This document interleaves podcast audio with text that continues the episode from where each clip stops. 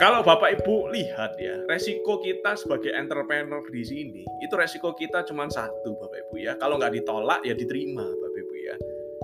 Udah itu aja. Itu kayak petinju Bapak Ibu ya. Kalau entrepreneur itu harus mau ditolak ya. Ditolaknya cuma ngomong enggak ya kan bisa kita ke orang lain ya. Banyak orang di di Indonesia ya. Kita nggak terbatas di Surabaya, di seluruh Indonesia kita banyak orang Bapak Ibu. Itu kayak petinju Bapak Ibu. Kalau coba Bapak Ibu kita entrepreneur itu cuma lawannya ditolak aja, penolakan aja, udah itu titik. Gak ada yang lain Bapak Ibu. Coba Bapak Ibu perhatikan, petinju ya. Petinju itu rata-rata menurut statistik itu ditolak, ya apa ditolak, bukan ditonjok Bapak Ibu ya. Rata-rata menurut statistik petinju itu dalam satu kali pertandingan, Bapak Ibu ya, satu kali pertandingan, bukan satu ronde ya. Beberapa ronde pokoknya satu kali dia hadir di pertandingan. Itu rata-rata ditonjok, dipukul itu sampai 360 kali ya jadi hampir setahun Bapak Ibu ya. 360 kali itu rata-rata menurut statistik ya Bapak Ibu ya.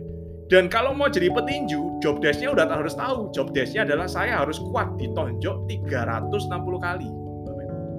Dan job desk-nya dia adalah kalau dia mau menang ya di pertandingan itu, dia harus mau ditonjok ya sampai dengan 380 kali, harus tahan. Karena rata-rata 360 kali. Kalau dia lebih, dia bisa menang Bapak Ibu. Nah, itu udah job desknya petinju gak mungkin kalau misalnya petinju ya tapi nggak mau ditonjok bapak ibu. Itu udah job desknya ya. Seperti kita entrepreneur nggak mungkin kalau kita nggak ditolak bapak ibu ya.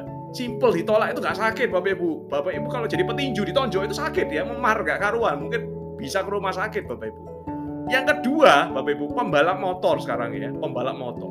Bapak ibu coba perhatikan pembalap motor ya. Kalau bapak ibu lihat pembalap motor di mana-mana itu kan ini ya. Keren ya. Wah ini Rossi ya, pembalap motor. Ini wah banyak fansnya ya, keren ya. Tapi kalau Bapak Ibu paham ya, pembalap motor itu standarnya itu berapa bulan sekali dia harus patah tulang, bukan harus. Menurut statistik berapa bulan sekali dia patah tulang. Jadi kalau dia masuk sebagai ambil pro, posisi sebagai profesi sebagai pembalap ya, pembalap motor, dia harus siap ya. Aku tiap berapa bulan sekali harus ke rumah sakit ya.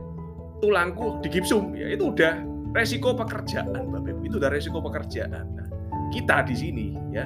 Sebagai seorang entrepreneur resiko pekerjaan kita cuma ditolak. Sudah simple nggak sakit nggak perlu ke rumah sakit ya. Tapi kalau diterima kita bisa making a lot of money Bapak Ibu ya. Seperti kita semua di sini dan teman-teman yang ada di sini